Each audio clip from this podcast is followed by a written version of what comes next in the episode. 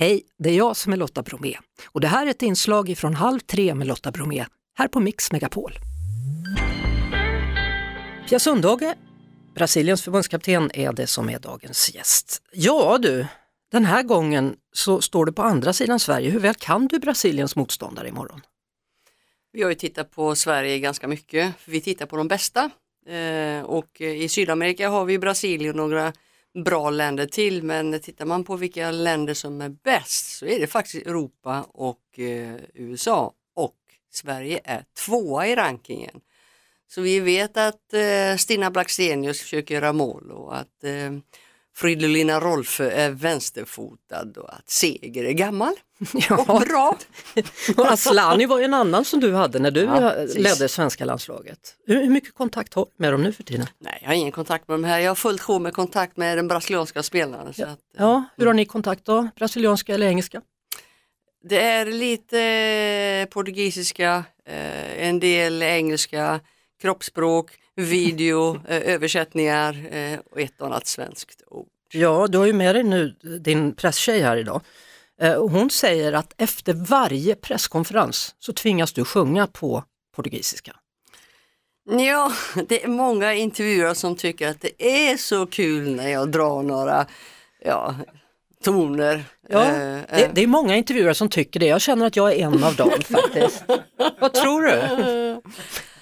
Det den, den som jag började sjunga för att jag försökte lära mig eh, låten. Mm. Eh, Na bruma levi das paixões quem vem de dentro Du vem chencando pra brincar no me quintal Och så vidare och så vidare. Och så vidare. Tyckte nästan du sjöng Bromé i början där. Var det så? Vad hette det? Ja jäklar i det. Ja, ja, ja. Nej, det, inte, ursäkta uttalet men eh, inte riktigt Bromé. Nej, men du, är det enklare att sjunga på portugisiska än att tala det då för dig? Ja, är det. Om det inte är specifika fotbollsord. Eh, balansa och Sabi och Deshi och ja. Alltså, du har ju lett då Sverige, USA och Brasilien. Du har också varit assisterande tränare, assisterande förbundskapten i Kina. Hur mycket skiljer sig de här lagen sig emellan? Ja, det skiljer sig en hel del men det är eh, för det första många saker som är lika.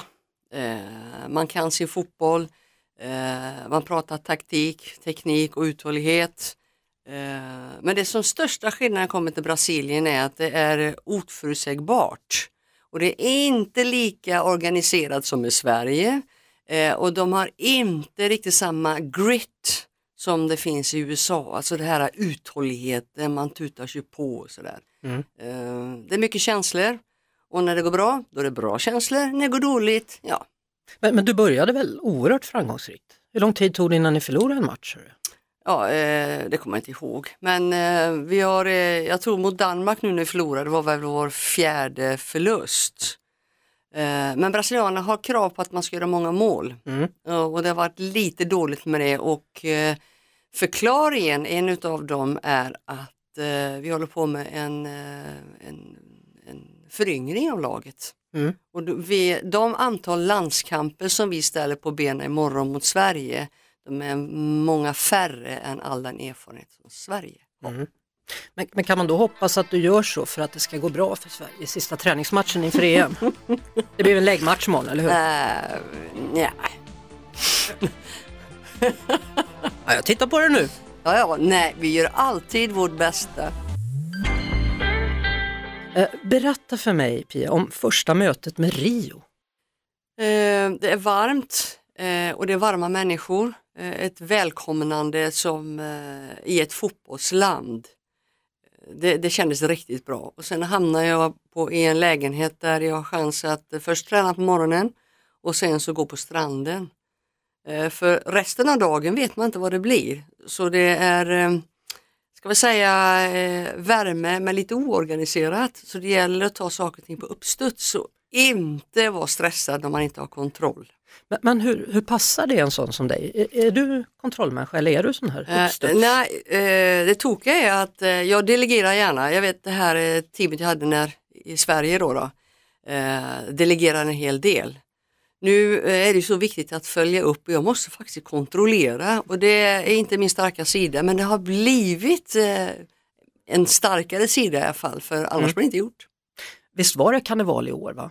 Mm. Jag var där. Hur var det? Nej, jag var, jag var där för tidigt så jag orkade inte hela karnevalen. Eh, och jag var också där för två år sedan när Marta, och då var jag faktiskt i tåget. För då hade Marta ett eget tåg och de lyfte henne till skyarna och hon är ju otroligt stor i Brasilien. Mm. Hon var ju otroligt stor i Sverige också när hon spelade här. Mm. Ja. Är hon med imorgon? Eller har hon slutat? Nej, eh, hon har en eh, korsbandsskada Oj, så hon har sagt att hon kommer tillbaka nästa år. okej, så hon Mm. gör en Zlatan. Ja, ja mer eller mindre. Jaha. Du, hur stort är det då att vara Brasiliens förbundskapten med tanke på Brasilien och fotboll och allt? För mig personligen är det jättestort. Eh, Jag själv, eh, när jag fick förfrågan så sa jag bara ja. Jag tänkte inte på så mycket mer utan Brasilien är förknippat med fotboll, teknisk fotboll och lite samba sådär. Eh, Och jag har upptäckt nu då att det finns delar av Brasilien som eh, stöttar damfotbollen. Man behöver göra en liten attitydförändring tycker jag. Ett exempel är att eh, i Sverige har vi ju ungdomslandslag, U15, U16. I Brasilien har vi U17 och U20 endast Mm. och det beror på att det finns VM att spela. Eh, Så det finns mycket att göra när det gäller eh, att eh, spela på sin nivå när man är ung. Så om du är 15 år och du vill tävla, då Mm. är, du ska inte bara spela i favelerna eller ut på gatan utan här finns det, skulle funnits organisation för det. Men, men om du jämför nu då, eh, att vara ung idag och vilja börja med fotboll oavsett om det är Brasilien eller Sverige, runt om i världen. Och hur det var för dig när du fick kalla dig för Pelle för att få vara med och spela. Det är ganska stor skillnad du. Det är en, eh, en fantastiskt stor skillnad och en viktig skillnad de facto att eh, man faktiskt vet om att jag, brukar uttrycka så här att ge- generationen här, vi, vi kämpar för nästa generation. Vi kräver saker och ting för att det ska bli bättre för nä, nästa generation. Mm. För nu finns det tjejer i eh, Brasilien, nej, 12-13 år och eh, det är inte bara Neymar utan det är Marta och det kan bli Hafa och eh, ja varför inte en europeisk spelare. Och det är en jättestor skillnad från Mm. back in the good old days. Mm. Nu ska det spela i Solna då. Vi hade Lasse Granqvist i förra timmen som sa att det här är ju stort. Det är precis som Pelé och Brasilien i VM-finalen 1958. Sverige möter Brasilien. Det är stort. Det, det kändes när jag var på presskonferensen. Det var massa journalister där som eh, ställer många bra frågor och eh, det faktum att det blir eh, rekord imorgon Mm. och att Brasilien står på andra sidan staketet, höll jag på att säga, är ju fantastiskt. Det är som jag sa, 34 000 biljetter hittills sålda men det kommer släppas in fler. Mm, det blir Vilken bra. grej va? Mm. Du, jag tänkte så här, eh, om man tänker 1958 med Pelé, cirkeln sluts. För nu är det Pelle som kommer, fast nu får du heta ditt riktiga namn. Det var ju stiligt tänkt. Visst ja, är det? Precis. För, för det var ju så att du fick kalla dig för Pelle för att överhuvudtaget få vara med och spela, visst var det så? Ja, det fanns ju ingen eh, damfotboll eller flickfotboll i Marbäcks IF. Men jag hade kloka vuxna och vi bara fixade till namnet lite grann så spelade jag med grabbarna i knattelaget. Hur gick det då? Det var fan- bäst. Ja, det var fantastiskt för att eh, vi hade en riktig domare och vi hade nät vid målen så att jag kände mig som ett riktigt proffs. Men jag kommer ihåg när jag gick, jag var typ sju år och så var jag i Skultorp, Skultorps IF, eh, kom dit, det var en tjej, 120 killar, jag fick inte vara med. Så du hade tur. Du fick inte vara med? Nej, jag fick inte vara med, de hade ju inga damlag då, på den tiden. Jag väntade några år, sen var det dags. Ja. Ja, du, eh, 1975 till 1996, vet du vad det är för siffror? Första landskampen och sista landskampen för det svenska damlandslaget. Ja, 21 år var du med i landslaget. Mm. Hur gammal var du då egentligen, första där? Jag var 15 år när jag åkte ner till Göteborg, Nya Ullevi och fick se den blågula trunken ramla in och blågula kläder det var och var bland de bästa. Ja. Gjorde du mål första matchen? Nej, och jag var inte i startelvan heller. Nej. Det var Ann Jansson, Hammarby IF som gjorde båda målen men eh, matchen efteråt var det Finland eller vad det var. Då var jag i startelvan och jag gjorde mål. Okej, hur många mål blev det till slut då? 71 tror jag, Ja, på 140 matcher? Eller? 146. Ja, nästan ett, ett mål minst i varannan match då, Ja, om man räknar rätt. ja. Och förbundskaptenen slängde mig längre bak och bak i ledet så jag började som forward men jag slutade som ja, libero. Ja. Du, hur kommer det gå för Sverige i sommar? Här? Blir det ett nytt EM-guld? Jag menar, du var ju med och tog EM-guld 1984. Mm. Eh, jag tror det.